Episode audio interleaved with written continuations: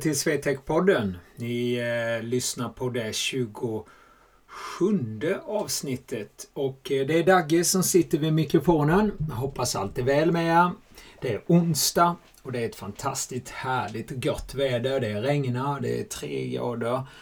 Och eh, ja, det är inte så många dagar kvar tänkte jag säga till julafton. Vad kan det vara? En och en halv månad. Och eh, ja, vi hinner göra väldigt mycket fram till dess. Och det som kan vara väldigt bra då att ta med sig det är ju att vi ska kunna träna både fys och vi ska kanske också tänka på hur vi gör när vi är hockeyspelare. Det tänkte jag vi skulle ta upp lite idag. Så eh, välkomna till eh, dagens avsnitt.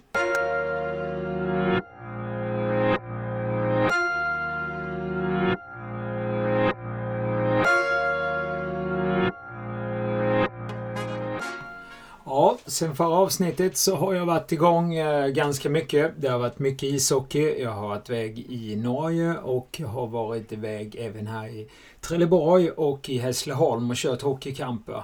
Fantastiskt att träffa alla ungdomar som eh, vill utveckla sig och bli bättre hockeyspelare. Och det är ju som sagt var många parametrar som ska fungera för att man en dag ska bli en prestationshöjande atlet eller ishockeyspelare. Så ja, jag tycker det är roligt och lite tankar sådär som jag tänker när jag har varit iväg så här, det är väl egentligen att eh, jag tycker kunskapsnivåerna är väldigt or... Eh, vad ska vi säga? De, de, de är väldigt varierande. Eh, många är duktiga men det finns också en hel del hockeyspelare där som har inte fått riktigt alla verktygen i den respektive ålder som de är. Och det tycker jag är jätteviktigt. Och jag har väl en liten känsla av att dagens eh, ishockey i Sverige och även i Norge att man är lite för prestationsinriktad i tidiga åldrar och då tänker jag på att det är mycket cuper, vinna mycket matcher istället för att man kanske lägger sin eh, prestation i hur mycket jag kan. Det tror jag kan vara jätteviktigt att ha med sig i bagaget. Och sen så märker jag också just att det finns en hel del frustration bland många ungdomar också. Att de inte märker riktigt att de har fått den kanske möjligheten att de kan de här olika sakerna som man kanske ska i de här åldrarna. Men det där tror jag också bygger lite på tränarnas eh, kunskaper och klubbarnas filosofier. Och det hade varit mycket önskvärt om klubbar och även tränare hade kanske gått tillbaka lite till eh, ska vi säga, gräs, eh, gräsrotsnivå igen. Och liksom ser inte det här med matcherna som lika viktigt utan att man ser kanske utvecklingsmål istället. Det tror jag att man tjänar in i längden. och Just att vi ska få fram mycket mer bredd istället för att vi får den här toppen och att vi verkligen kan utmana varje individ på träningarna. Och då tror jag också att klubbarna behöver sätta sig ner och skapa ett väldigt bra dokument om hur man vill att ishockeyspelarna respektive klubb ska vara helt enkelt. Både bredvid isen och på isen. Och liksom följa den ändamålet. Och där tycker jag att det finns mycket ihåliga delar när man träffar de här spelarna. Men sen finns det ju då de som är väldigt duktiga också. Och det är ju fantastiskt att träffa dem. Och det är ju det är stor skillnad. För ofta är det de här spelarna som är väldigt mycket på utvecklingskamper. De har ett försprång och de är betydligt bättre än de andra. Så när jag var i Norge så var det så roligt för att eh, hälften utav dem hade ju kört sån här träning innan. Så det var mycket, mycket enkelt. Så ett tips, fortsätt att utveckla, gå på utvecklingskamperna.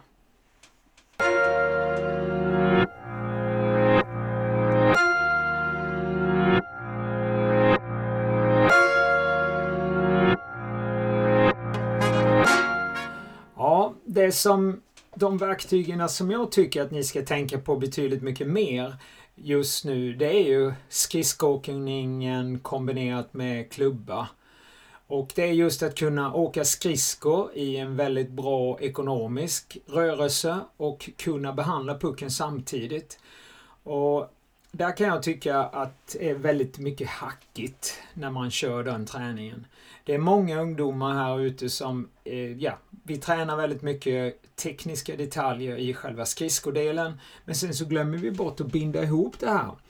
Och det är ju faktiskt ganska viktigt för det är ju elementärt tycker jag i ishockey. Det är att man ska kunna åka eh, med hög hastighet och ha då eh, pucken under kontroll. Men det är klart, om man åker skridskor som en jojo då upp och ner och man har rotationer i höften och sådär så blir det ju inte lätt att behålla pucken heller för det säger sig själv rent biomekaniskt då så följer ju kroppen med rörelsen och då är det lätt att tappa pucken. Och det här är också egenskaper som jag tycker man borde tänka på betydligt mycket mer. Eh, jag kan också tycka att man inte förstår riktigt det här med att klubban är ett redskap. Jag brukar säga att det är som en gitarr. Eh, det är svårt att spela gitarr utan gitarr. Och det är samma här, det är svårt att spela ishockey utan klubba. Men vad är det vi håller i egentligen?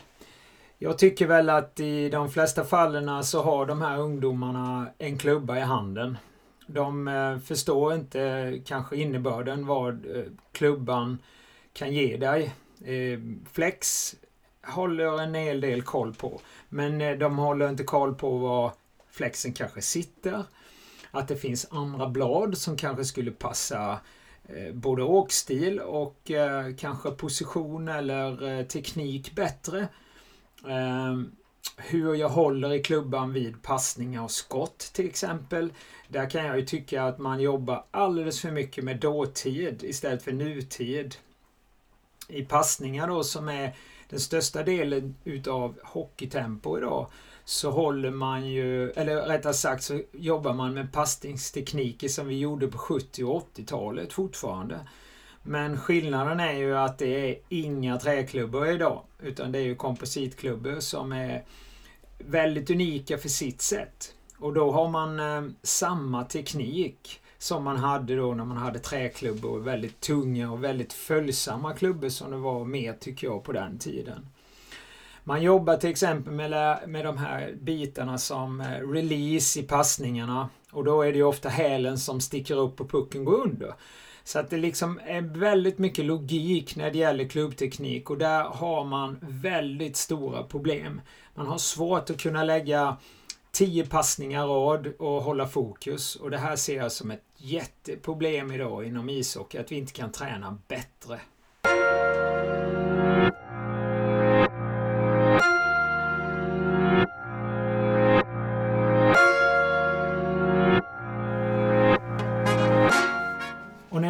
Träna bättre, då menar jag just det här att vi ska kunna göra mer tålamodsövningar. Man behöver liksom inte ha fart och fläkt hela tiden genom en träning utan det finns faktiskt möjligheter att eh, eh kunna jobba liksom mer stationärt och bara liksom få pucken till den andra personen och vara mycket mer noggrann. Där, där tycker jag att Ja, jag blev jättefrustrerad när jag kör träningar emellanåt på grund av att de spelarna har inget tålamod. Och man brukar fråga dem då liksom, hur gör ni på era lagträningar? Nej, det blir inte så mycket tekniska detaljer statiskt sett då, utan det blir mycket mer rörelse och man lägger passningarna. Men grabbarna vet ju inte hur man ska vinkla bladet för att man ska ta emot den här. De, ska, de vet ju ja, om jag säger så här, de vet ju inte adresserna riktigt. Om jag ska skicka ett mail till dig så måste jag ha en e-mailadress. Annars kommer jag inte få något mail. Och det är samma när vi håller på med passningsteknik inom ishockey. Att om jag inte visar bladet så är det svårt för mig att kunna hantera pucken väldigt snabbt i och med att ishockeyn blir ju snabbare och snabbare. Så tränare där ute som lyssnar på detta, försök att förstå logiken i att man vinklar alltid bladet mot puckbanan hela tiden. Man har slutat med att göra releaser.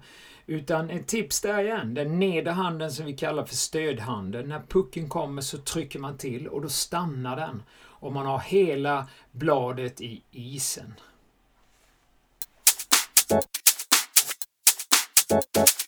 Lite information Om ni gillar Swetec-podden och vill följa podden så gå in och like oss.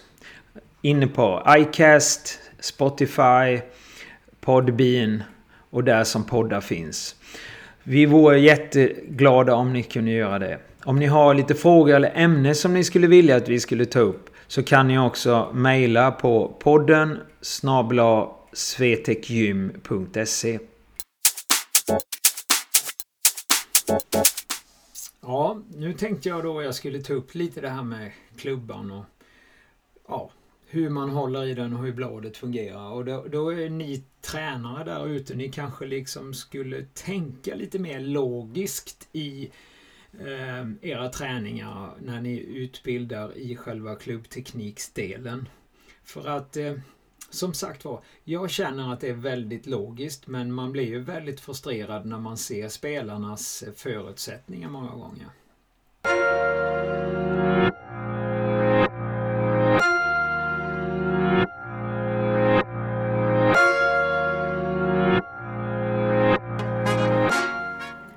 Ja, när man eh, då tittar på spelarnas förutsättningar när man passar eller när man eh, skjuter till exempel så har nästan de flesta spelarna, tycker jag, en teknik i hållningen utav klubban som är väldigt undermålig. Eh, sen finns det ju då de som tränar väldigt mycket. De åker på kamper och de står hemma på sina skottramper och sådär. Verkligen utveck utvecklar de här förutsättningarna betydligt mycket bättre. Men fortfarande tycker jag det finns alldeles för dålig eh, kunskap i liksom, och logik i hur man håller i det här instrumentet, klubban. Som sagt var, om jag ska hålla i klubban så är det viktigt att jag håller i knoppen. Där får jag ju säga till väldigt många spelare att man inte ska hålla ner på klubban. För det är ju till och med så att eh, det kan ju en domare se och då blir det ju utvisning för att det kan ju faktiskt vara farligt. Sen håller de klubban väldigt, väldigt långt ner med den nedre handen som vi kallar för stödhanden och den övre kallar vi för vipphanden. Om då stödhanden ligger väldigt långt ner så följer ju kroppen med. Och då åker de med, med dukad, som man säger inom parentes, eh, överkropp. Och då är det ju svårt att se vad som händer runt om axlarna till exempel. Och det blir också väldigt svårt att höja knäna och öka hastigheter vid snabba eh, växlingar till exempel, alltså skridskoväxlingar. Så det är också en teknisk detalj då när man går över på skridskodelen. Men själva klubbdelen så håller de då väldigt, väldigt långt ner. Och det gör ju att det blir mycket svårare att behandla pucken och som jag sa, det blir väldigt svårt att se runt om sig. Om man nu då håller lite högre upp, man kan ta armbåge eh, och man gör det här armbågsgreppstestet, eller man ska uttrycka det, så får man en rätt så bra position när man håller i klubban. Då brukar ungefär det var ja, 40-45 cm nedanför den övre handen ungefär. Då blir det betydligt enklare. Sen är det också viktigt att man håller klubban rakt. Och då tänker jag på skaftet och där finns det faktiskt en del handskar framförallt i de märkena vi jobbar med och även andra stora märken där det finns liksom en del uppe på tummen som gör att och då blir det en rak linje med skaftet och bladet kommer rakt ner i isen och hälen blir också då i isen. Det här gör ju att den här vinkeln är betydligt bättre. Så när pucken kommer, oavsett om den kommer i hälen eller mitt på bladet, så stannar ja, 9 av 10 gånger på bladet istället för att den går under bladet. Och det här är ju stora skillnader i själva puckbehandlingen. Och det här är också logiska delar kan jag tycka. För att om jag vinklar, för många vinklar ju då bladet att överdelen av bladet går framåt och det gör det ju att när trycket kommer med pucken längs med isen så är det lätt ibland om man inte håller ner klubban hårt mot isen att den går under själva bladet. Logiskt faktiskt för att eh, det har ju med både kraft och eh, positionen utav bladet helt enkelt. Och det här förstår inte jag riktigt varför vi lär ut för. Det är väl egentligen inte den bästa förutsättningen för att göra det. Och sen så skapar jag ofta spelaren därifrån också det här digging shot som jag kallar dem. Alltså att man gräver skottet på grund av ibland att man har mindre styrka, man har inte bra flex i klubban och det gör det också att man lär sig, tycker jag, en dålig teknik när det gäller skott. Det är bättre att använda hävarmsprincipen där man häver fram pucken så det blir som ett så kallat tryckskott istället. Man utnyttjar kraften och man skapar betydligt bättre förutsättningar till att både göra mål och eh, ja, helt enkelt överraska. För att det är ingen som vet när skottet kommer. Det blir ett oannonserat skott helt enkelt och tyst och det gör ju att bland annat målvakterna eh, hamnar i en situation där man inte vet när pucken går från bladet helt enkelt. Så här skapar vi ju betydligt bättre förutsättningar i skott och passningar. Så mitt tips till er där ute, tränare som spelare. Tänk på de här detaljerna när ni jobbar med klubbtekniken. Räta upp bladet, låt bladet vara som sagt var 90 grader mot isen. Flytta bladet så det alltid ligger 90 grader mot puckbanan. och gör att du får bättre förutsättning helt enkelt att kunna behandla pucken och inte tappa pucken i lägen som man kanske inte skulle vilja och som skapar då både frustration och mindre tid till att fatta ett bra beslut. Lycka till med tipsen och träna det stenhårt till kanske vi träffas nästa gång.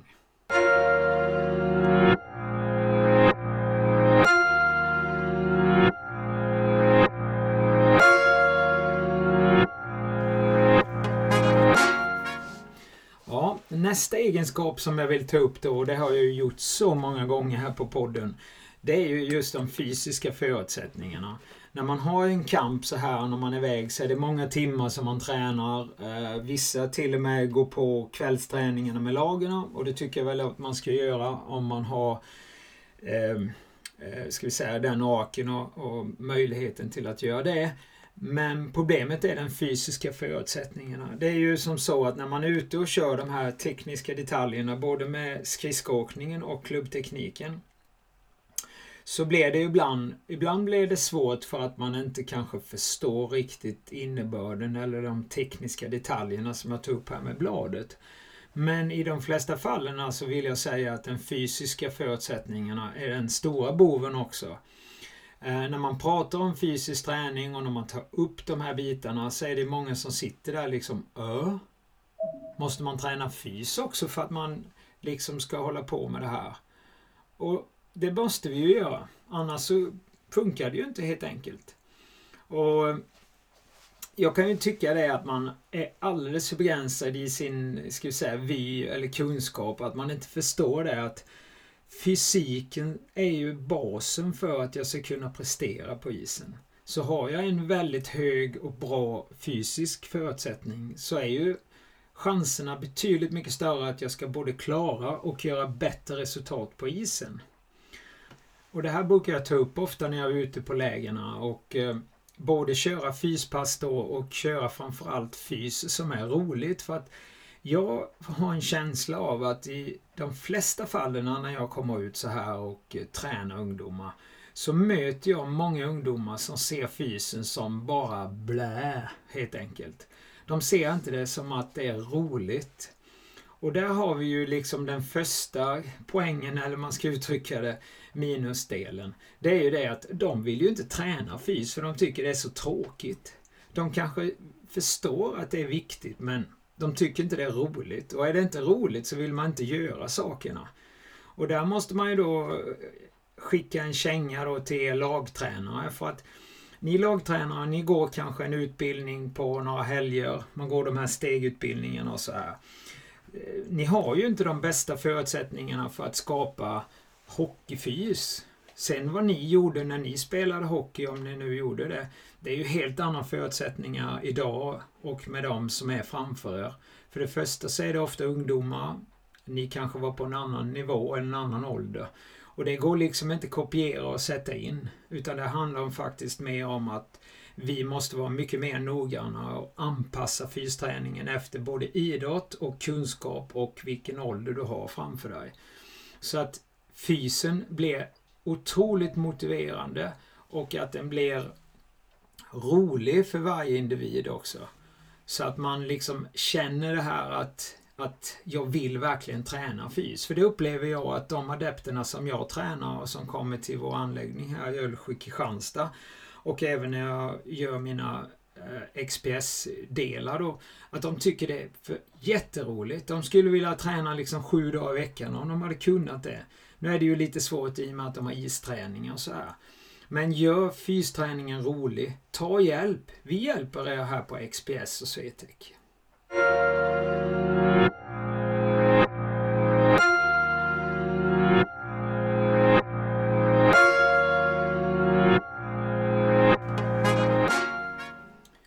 Så man behöver inte vara mer stolt än så utan skaffa hjälp, ta professionell hjälp vid sidan. Behöver inte bli så mycket dyrare och framförallt, vad har ni att välja mellan? Vi skapar ju inga resultat om vi inte liksom har en motor att kunna liksom ta oss framåt helt enkelt. Och sen har vi ju det här med riskerna också. Jag tränar ju många ungdomslag i fotboll för tillfället för deras off-season har ju startat. Och det är samma där som det är i ishockey många gånger att det är ju undermåliga förutsättningar. De vet inte hur man ska sitta, de har rörlighet som är mindre bra och sådär. Så att man, man börjar ju egentligen i fel ände många gånger och eh, jag är så tacksam och glad över att eh, fler ungdomslag i år har bokat in sig hos oss här på Swetec Gym i Ölsjö för att verkligen ta tag i det. Och och det är ju inte alltid lätt att få barnen att förstå men det gäller ju liksom att bolla och gå lite sakta framåt och, och lära dem pedagogiskt vad som är bättre än vad man kanske gjorde tidigare. Och det är samma, jag har varit ute i skola här, bland annat i Everöd skola och kört träning med väldigt mycket ungdomar där på skolan och det är samma där, de tyckte det var skitroligt och jag blev ju också väldigt eh, konfundersam hur orörliga de var gymnastikläraren var med. Han, han sa ju det att de tränade och gjorde mycket väldigt bra men han tyckte det här var ännu bättre så att jag blev ju jätteglad att han tyckte så. Han ville ta in lite saker där. Och det är samma i ert idrottslag, var inte rädd. Kontakta mig eller någon annan likvärdig som jobbar som jag och, och, ta hjälpen istället för att tro att ni själva ska klara ut det när ni inte har kompetens för det. För det är ju ofta där det ligger. Ni kan vara bra på någonting och jag är bra på någonting annat. Och ni då hockeyspelare och ungdomar som sitter och lyssnar på podden. Tänk efter. Om ni vill bli en fantastiskt duktig hockeyspelare och ha en karriär framför er så måste ni ju faktiskt bygga upp den fysiska förutsättningen. Ni kan ju inte halka in på ett bananskal. Så funkar det inte idag inom ishockeyvärlden. Så det som ni bör lägga mycket krut på det är att skapa bra rörelse, så man lär sig rör rörlighetsträning och rörelseträning. Att man skapar de fysiska anlagen i respektive ålder och att man skadeförebygger för framtiden. Och tänka att kondition inte är löpning utan kondition är intervaller.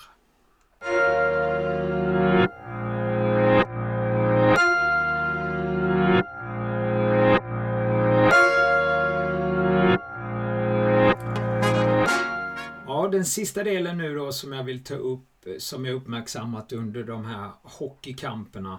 Det är väl kanske då kosten. Och att man förstår också att för att vi ska kunna göra de här två första delarna, bli bra då rent tekniskt och tekniken byggs utav den fysiska faktorn många gånger så måste vi också ha energi och kraft att kunna genomföra allt det här. Och framförallt att kunna ta emot all belastning. Och belastningen är ju ofta den fysiska förutsättningen som sen drar ner den mentala delen. Och det är ju som så att den fysiska statusen den påverkar ju ofta då den mentala delen också. Och då tänker jag på att man blir trött, man kan bli hängig, man kan bli irriterad, man har svårt att fokusera sig och så vidare. Jag hörde faktiskt en väldigt intressant grej. Man hade gjort en studie här i trakten på en skola och man aktiverade sig sju minuter med högre intensiv träning innan skolan startade. Och det hade gjort att man hade fått en högre fokusering i lektionerna, framförallt i starten. Och det här var en studie, en liten enkel studie då som man hade gjort. Och det är ju samma här inom idrott och man kan även se där det finns eh, ADHD och sådana här bitar att det är ju väldigt, väldigt positivt för eh, både de här personerna och framförallt att vi får den här eh, egenskaperna att vi ska liksom köra igång ordentligt. Men då måste vi ha energi. Och när man frågar då de här spelarna många gånger, vad har ni ätit idag på morgonen? Ja, två mackor och ett glas mjölk. Eh, det var ju faktiskt i Trelleborg var det väl, eh, tror jag, var det sju eller åtta stycken utav de 50 stycken som åt gröt på morgonen och det tyckte jag var väldigt, väldigt positivt. Men annars så var det väldigt slätstruken frukost och frukosten är ju ett viktigt mål för de här kidserna när man ska åka iväg och träna kanske då 4-5 timmar plus att man har några timmar på kvällen. Så att kosten är ju väldigt, väldigt viktig och framförallt så tycker jag att ni föräldrar som lyssnar på podden måste också tänka till och skapa bättre förutsättningar för era barn. Vi kan inte slaska i dem massa skit som jag uttrycker det. Alltså sådana saker som gifter. De kan inte få godis tycker jag hela tiden och det är faktiskt ett föräldraansvar det här. Att vi måste, lika väl som ni har kanske tiden när det gäller eh, spel vid datorer och sånt där så tycker jag också att man måste ta ett större ansvar när det gäller kosten. Och framförallt att minska sockerintaget. Att man tittar på eh, mjölkprodukter. Att man också tittar på köttprodukter. För att det finns ju saker i de här tre delarna som påverkar våra kroppar väldigt, väldigt mycket. Köttprodukterna eh, ska ju ha väldigt mycket energi för att bryta ner då, om det är rött kött till exempel. Eh, många äter ju rött kött för att det finns en kulturdel i det och att man pratar om proteiner. Men vi kan ju faktiskt hitta proteiner i andra delar än rött kött. Och tänker man på hur länge kroppen behöver för att smälta ner rött kött så är det ju faktiskt rätt många timmar och dagar som det behövs för att det är till och med så att det ruttnar i buken. Ehm, så att det kan väl vara bättre då kanske bara äta vitt kött till exempel då.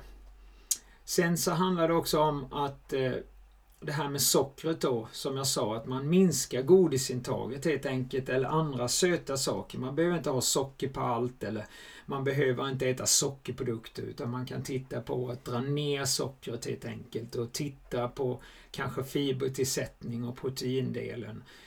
Och gör lite sådana saker, för det är ändå ni föräldrar som är ansvariga för era barn och det är ni som bygger era barns framtid.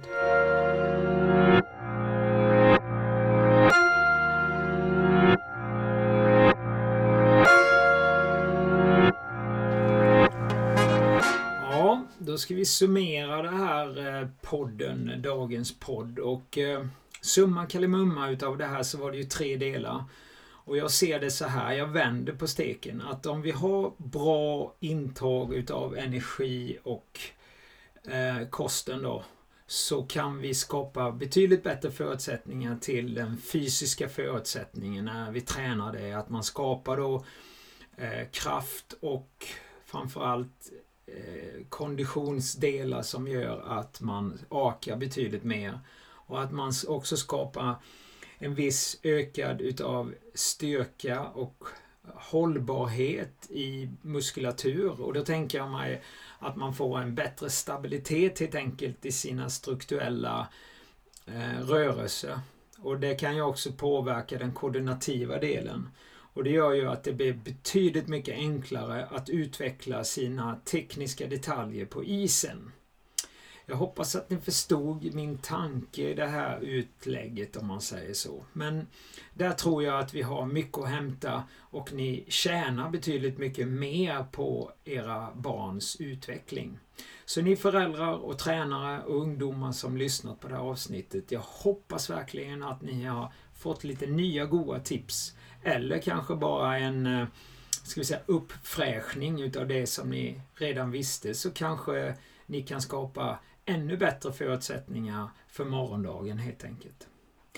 Ja, det var väl det jag hade tänkt att vi skulle ta den här omgången utav eh, det 27 avsnittet. Och ni har lyssnat på Dagge och eh, jag hoppas ni får en fantastiskt bra Eh, dag och eh, tills vi hörs nästa gång, ha det gott! Chiliving!